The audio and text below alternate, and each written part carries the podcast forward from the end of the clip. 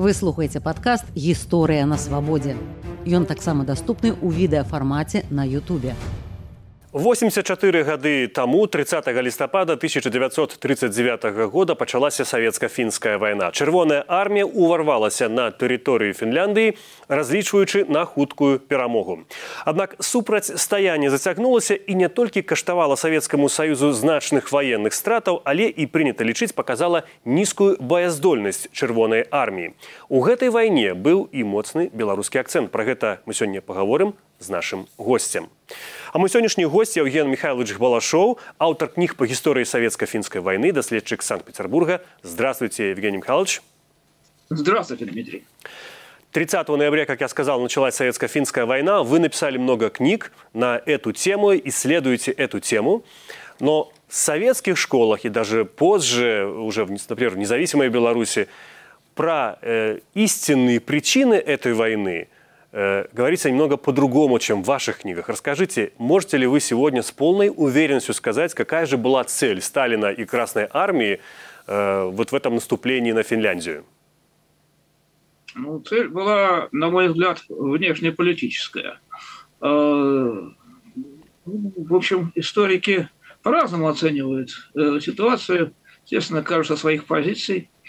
У меня точка зрения тоже менялась не всегда я был уверен, а уверенно отвечал на этот вопрос, как бы сейчас я более уверенно могу ответить.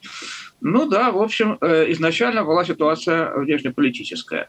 Э, угроза внешнего, так сказать, э, внешней угрозы со стороны изначально Германии, но потом уже не Германии вовсе, а Англии и Франции. Вот. Но в любом случае решался вопрос, решался вопрос значит, внешнеполитический. Как, мы, как известно, предшествовала советско-финляндской войне Мюнхенский сговор, именно тогда, э, в общем-то, в этот период и э, вопрос о, Фин... о Финляндии тоже стал обостряться.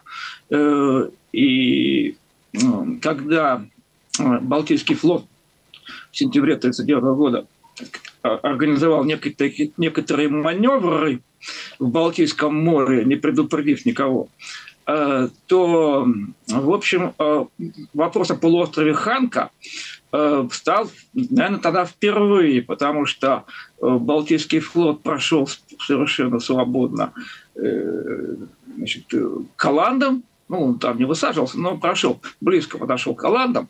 Вот. Если бы в это время с Ханка орудие ударили, то, наверное, было бы сложнее туда пройти. Но они не ударили, и финны были застигнуты врасплох просто э, этим демаршем. А вот. Но, тем не менее, военные, видимо, сделали какие-то выводы, что самое главное, чтобы не повторялось таких э, случаев, так сказать, э, надо обезопасить значит, Балтийское море, проход. И главным вопросом на переговорах была вовсе не передвижка границы, как утверждают советские учебники, там советские историки, и советские, значит, и, и постсоветские тоже, и нынешние российские некоторые. Значит, главный вопрос был в Ханку, конечно. Граница была на втором, на третьем плане передвижки границы. Э, в принципе, с ней торговались. А вот с Ханка финны э, на отрез отказывались его предоставлять переговоры шли в три этапа, и на каждом этапе категорический отказ по части Ханка. И это было камнем преткновения. С границей э, можно было решать вопрос, потому что финны, э, в общем, уступали частично, не, не полностью те э, условия, которые предлагал Сталин, принимались. Но, в общем, можно было на этом э, торговаться еще долго. Вот. Но когда Сталин понял, что Ханка и, и острова, не, не Ханка, не острова э, финны не отдадут, то он понял, что дальше переговоры бессмысленно. Вот. Ну и финны тоже это поняли и прервали их. А параллельно с этим шла подготовка к войне. Вот. Она шла заранее уже, как бы, потому что у, у, у Сталина, видимо, было два варианта. Мирный и военный. Ну, раз мирный не подошел, значит, военный э, реализовался. То есть подготовка к нему шла, конечно, заранее, вот, но был еще вариант, что, может быть, финны согласятся. Там офици- официальная версия была такая, что финны как будто бы обстреляли э, деревню Майла, да, называется она, на советской территории, и поэтому началась война. Ну, в принципе, это очень напоминает да. начало немецкой Второй мировой войны. Это случилось немножко позже. Да, действительно. А, когда уже э, вопрос э, переговорный был отклонен, то есть э, Сталин начал готовиться к, непосредственно к военным действиям, и вот их надо было начать как можно раньше. Нельзя было ждать. А Сталин сам э, об этом говорит 17 э, апреля 1940 э, года на совещании командного состава, он открыто это сказал, что нам нельзя было тянуть, потому что в это время, пока, пока три державы сцепились значит, между собой Э, на Западе, ну, он имел в виду Германию, Англию, Францию, да, вот пока они там сцепились, мы как раз можем в это время и ударить. Самый подходящий момент, а если мы этого упустим, то когда там лет через 20, может быть, вопрос Финляндии еще будет э, э от, от, отложен на, на 20 лет, а нам нельзя, э, нельзя нам, значит, медлить. Подходящий момент – надо ударить. Ну, естественно, провокация Манил это была, конечно, э, скоординирована и организована э, ведомством НКВД. Вот. Ну, довольно, может быть, грубовато, потому что никаких убитых не предъявили, раненых не предъявили, объявили, что четверо убито, девять ранено, фамилии мы их не знаем, кто кого убили, где похоронили, значит, в, документах значит, уже, уже журналах боевых действий 68 полка там вообще ничего не сказано про убитых, то есть там вообще никто не пострадал. Вот.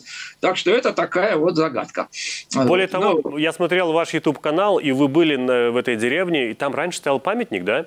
И он вроде как, да, как бы исчез. А в этой деревне, ну, она уже не деревня давно, но была как в деревне. Э, значит, э, мы там в 97 году поставили памятник э, гранитный.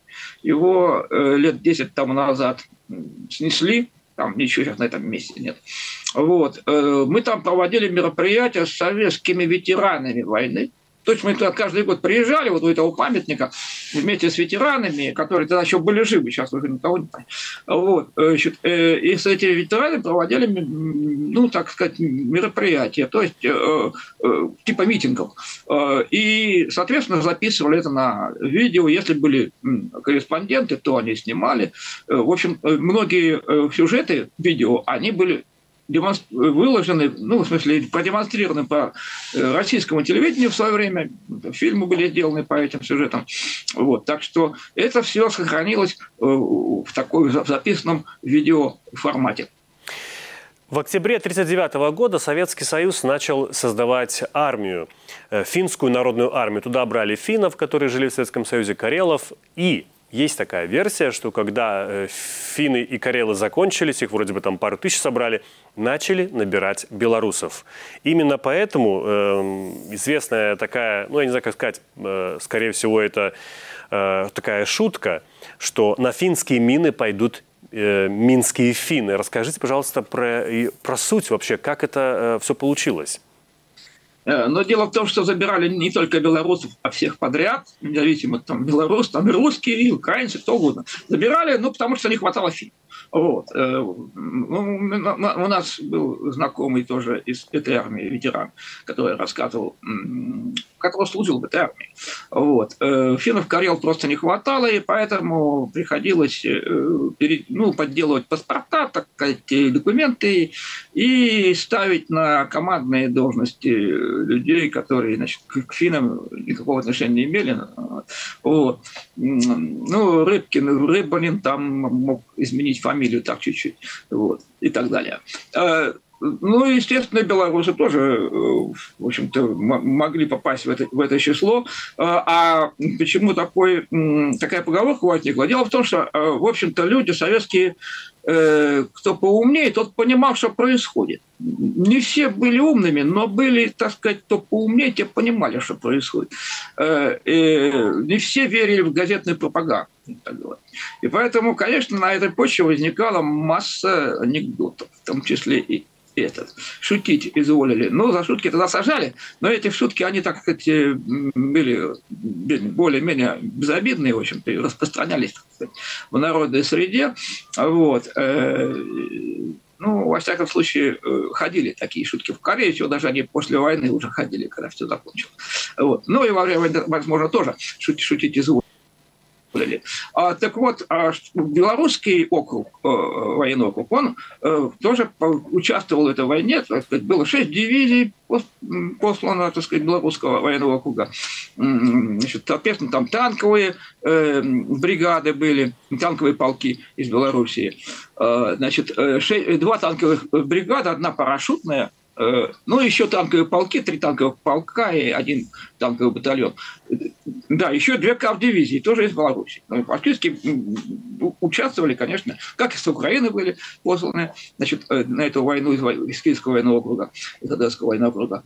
То есть вообще весь Советский Союз принимал участие в этой войне. Весь. Вот.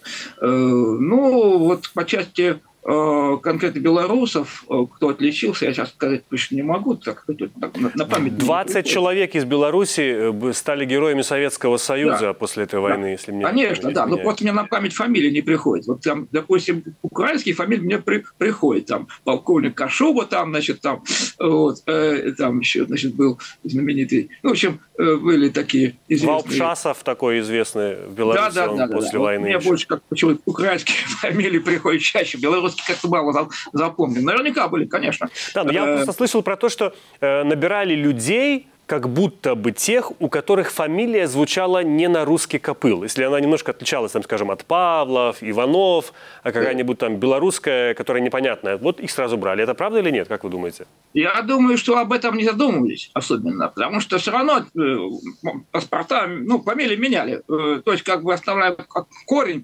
прибавили, прибавляли «нен», допустим. Да? Ну, к любому слову можно «нен» прибавить, вроде будет финская фамилия. Вот, да? А там похоже и похоже, я думаю, об этом просто не задумывались. Э, вообще все было, ну, как сказать, такой экспромт был. Вот. Это же армия Э, э, значит, э, а, армия, финская народная армия, она носила польскую форму, ну, трофейную, правда, не все там были другие там варианты, но, значит, в основном трофейная польская форма, да, вот. А откуда ее взяли? Ну, вот был поход в Польшу, конечно, там набрали этой формы, да, вот. Причем, интересно, что, значит, Западная Беларусь уже к этому времени присоединена к Советскому Союзу, соответственно, да? Вот. И э, по результатам поисков ну, следопытов, которые, так сказать, там э, значит, поднимают э, останки солдат на Корейском перешейке, в районе Тайполе, было много найдено польских вещей, там ботинки польские, да, вот. И я, когда работал в архиве, я нашел фотографии Э, по трофейной фотографии, э, значит, э, которые, ну, в общем, там город Львов, например, да, возможно, это Львов, там, ну, очень похоже, во всяком случае, там был человек графа. Вот. То есть какие-то города, которые, которые были вот в то время уже присоединены к Советскому Союзу. и, по всей видимости, когда уже все-таки э, людей не хватало, и, возможно, возможно э, мобилизовали уже тех э, высших польских э, солдат, ну, они были э, Западной Украины, Западной Белоруссии. Вот. Просто предлагали, значит, соответственно, перейти на, значит, на службу Совет Красной Армии. Возможно, многие соглашались, потому что они были такие, которые и э, приветствовали это присоединение. Ну, такой лев, лево, леваки такие были же. Вот, возможно, да. Потому что э, откуда можно найти личные фотографии в карманах э, э, советских красноармейцев, ну, такого личного плана. Значит, в польской форме находятся люди. Ну, чисто вы видно, что польская форма на них одета. Вот. Это все в карманах вот находили. Да, кстати, вот. есть версия польских историков, которые считают, что да, вот эта форма – это тех солдат, которые позже были расстреляны, например, в Катыни. Может быть, это тоже версия интересная. Возможно, даже просто похватали форму, которая э, уже была э, вот на этих солдатах, и передали, э, соответственно, красноармейцам, не проверяя там эти карманы. А в карманах могло остаться, конечно. Это тоже вполне возможно. Вполне возможно, что даже скорее, скорее чем я вот, э, полагал. Потому что, скорее, да, э, формы-то много было, вот им отдали это то, что там Катыни. Вот. А карманы просто не проверяли. А им было некогда, потому что человек одел форму. Но, с другой стороны, тоже странно, потому что э, солдаты это народная армия Финляндии практически не воевали. То есть они воевали в самом конце войны. Э, вот эти вот, которые э, представляли собой финскую армию, а там было э, четыре дивизии, ну, там не, не полного состава, значит, не полного состава дивизии были, но тем не менее, а, значит, они в основном состояли из финнов карел. Вот одели, они финскую форму, и до конца войны они не воевали, кроме тех, которые значит, были к разведке причислены, ну, разведчики. А вот, в основном масса, масса это вот, значит, войска стояли, Терьоки, это Зеленогорск, нынешний, да, готовились к параду вначале. Они готовились к параду, чтобы пронести красное знамя там по улице Хельсинки. На севере тоже были э, эти э, дивизии э, на крайнем севере. Вот. Но там ну, как таковой э, боевых действий активных не было. Там э, в основном все было, так сказать, более-менее спокойно. А, тем не менее, вот э, эти э, значит, солдаты финской народной армии, они были задействованы только в самом конце войны, когда уже поняли, ну, все равно никакого парада не будет, а что им э, значит, э, не участвовать, не поучаствовать-то. Вот. Чего же их держать-то? Э, ну, даром хлеб-то зачем есть? Поэтому их кинули уже в самом конце войны. Они, конечно, там повоевали, ну, где-то да, были потери при штурме Выборга. Вот, они успели повоевать. Но это самая последняя там неделя войны была, две недели. Евгений Михайлович, э, советские войска, которые принимали участие э, в этой войне, они были э, намного эм, лучше оснащены, чем финские, так некоторые историки говорят. Их было больше по численности, но тем не менее они очень быстро застряли, когда начали входить в Финляндию. Что произошло? Почему Красная Армия, лучшая армия в мире, как называли советские военачальники, не могла ничего сделать в Финляндии? Ну, это надо разбирать по каждому дню войны. Дело в том, что в, разных пери... в разный период войны было по-разному. Но если брать первый период войны, первые э, дни войны, там первые 3-4 э, там, недели войны, то это был просто хаос. Это был бардак. Э, то есть люди вообще были посланы, вот, значит, колонны шли по дорогам, ну, я имею в виду Корейский перешейк, там Карелию не берут, там другая была история, вот Корейский перешейк. Дорог было не так много, но они были хорошие довольно. Вот. Но они не имели пропускная способность была узкая, узкая. Так там колонны могли идти ну, в один ряд, к примеру. Вот. Танки ломались. Поломка танка – это затор на дороге. Да? Вот. Машины ломались. Там, э, вот. То есть создавалось ну, заторы, сплошные заторы. Э, при этом был, значит, командование э, теряли, ну, в общем, э, эти связи. Потом прокладывали линии, э, линии связи вдоль дорог, просто клали на землю некуда было там ставить столбы. Вот. Э, вдоль дорог, но не самых дорог, а ну, на обочинах там, даже дальше от обочин, в лесу на обочине, э, ну, 3 метра от обочины.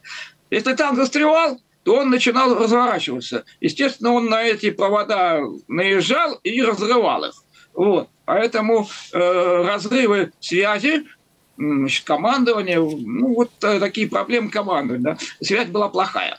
Вот. И это все возникало, э, такой вот кавардак, бардак и хаос. Э, э это задерживало наступление. Э, финны отступали достаточно, достаточно медленно. Ну, то есть они не завязывались в бои сначала, а просто пытались э, небольшими группами атаковать, э, чтобы задержать наступление.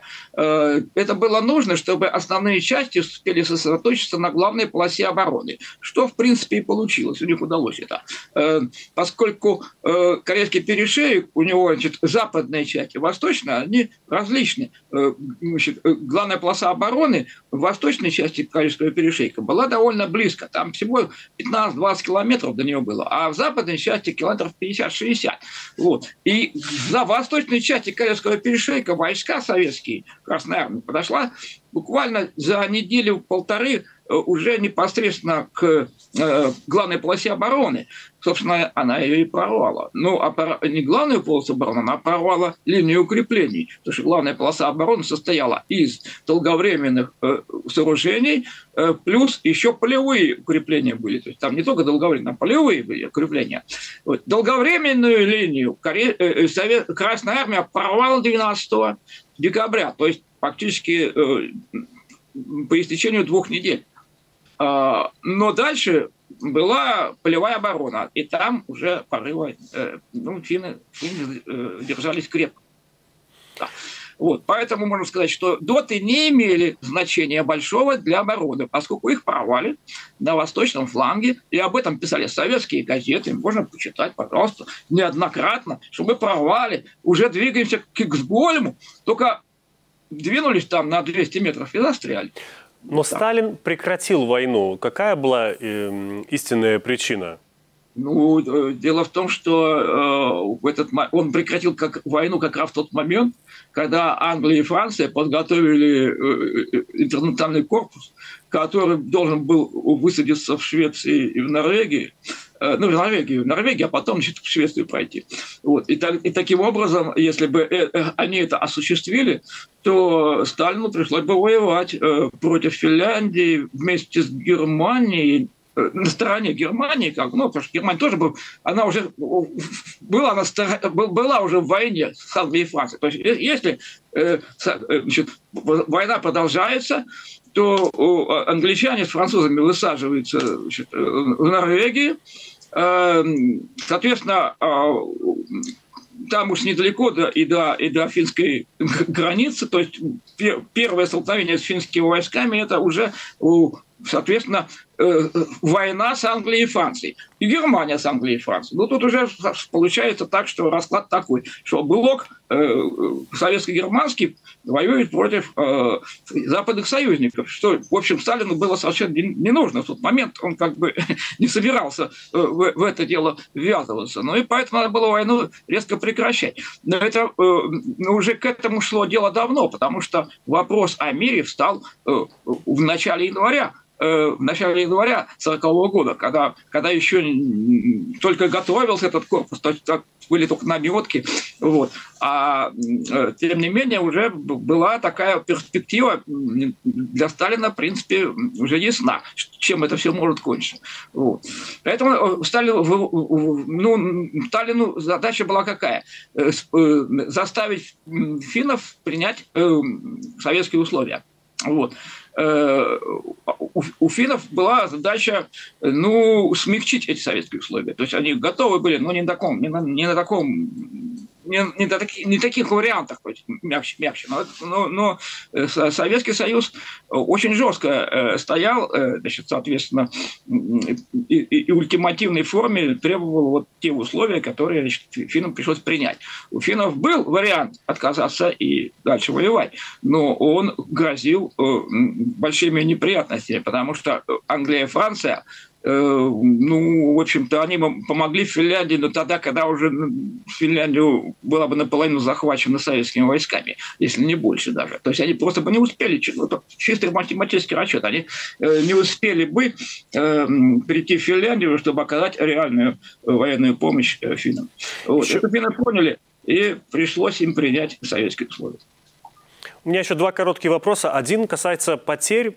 Белорусский исследователь Алексей Литвин считает, что в советско-финской войне приняли участие более 100 тысяч белорусов и уроженцев Беларуси, а также воинов Белорусского военного округа, и почти 10 тысяч из них погибли. Как вы считаете, эти э, э, числа э, могут быть близкие к правде? Дело в том, что точных потерь со стороны Советского Союза неизвестно, потому что не велось учета. Первые месяц войны учета потерь практически не велось. Ну, э, они велись, но, э, ну, в общем, очень плохо. И об этом свидетельствуют документы. Э, значит, во-первых, просто не успевали подкрепление брать даже на довольствие. То есть, ну, рота уходила, погибала, тут же подкрепление, они сразу в бой уходили, их там не успевали даже ставить на довольствие. Вот, поэтому учет очень плохо велся. И из-за этого э, какая-то часть э, потерь просто нам неизвестна. Кроме того, были еще лыжные батальоны, которые тоже, э, ну, добровольцы, э, добровольческие. Они вообще шли по НКВД, по ведомству НКВД. Вот. И материалы по их э, потерям, они там находятся. Сейчас просчитаны только потери по армейским подразделениям там. Вот. То есть э, цифра там 137, по-моему, тысяч погибших, это не окончательная, я думаю. У финнов более проще было посчитать. А с нашей стороны, то есть э, я не исключаю, что такая цифра, я даже думаю, что она, возможно, и больше, чем, э, чем вы сказали. Николаевич, последний вопрос. Э, белорусский ветеранин, который вернулся после этой войны, сказал, что земли отвоевали столько, чтобы похоронить эм, туда всех убитых. Э, скажите, какие все-таки э, приобретения были для Советского Союза от этой войны? Только очень коротко.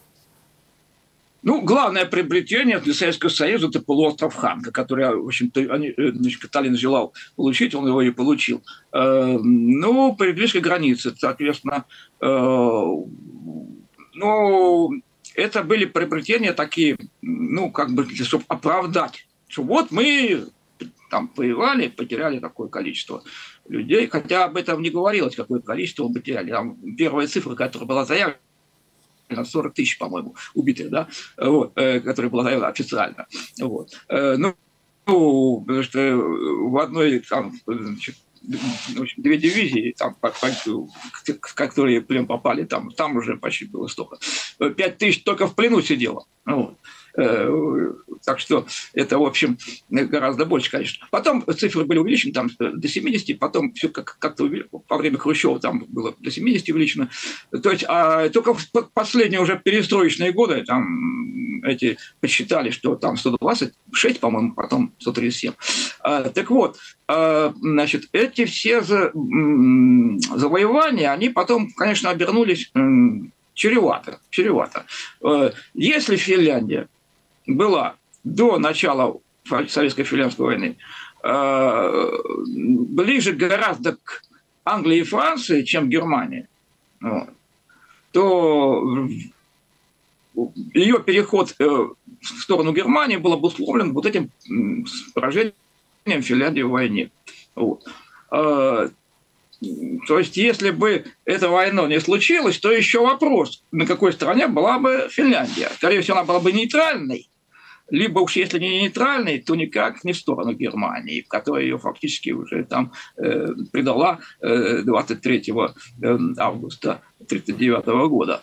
Об этом финны знали. Евгений Михайлович, большое вам спасибо. У нас мало времени, но наш разговор оказался очень интересным, и мы, на самом деле, продолжим еще его в наших следующих эфирах. А я нагадаю нашим глядачам, что сегодня моим гостем в Санкт-Петербургу был автор книг по истории советско-финской войны, даследчик Евгений Михайлович Балашоў. А вы глядели канал «История на свободе». Для вас працаваў прадзед Дмитрий Гурневич. Дякую за то, что были разом с нами. Бывайте и заставайтесь за свободой. выслухали падкаст гісторыя на свабодзе подписывайтеся глядзіце і слухайце ў Ютубе і на ўсіх падкаст платформах кожны тыдзень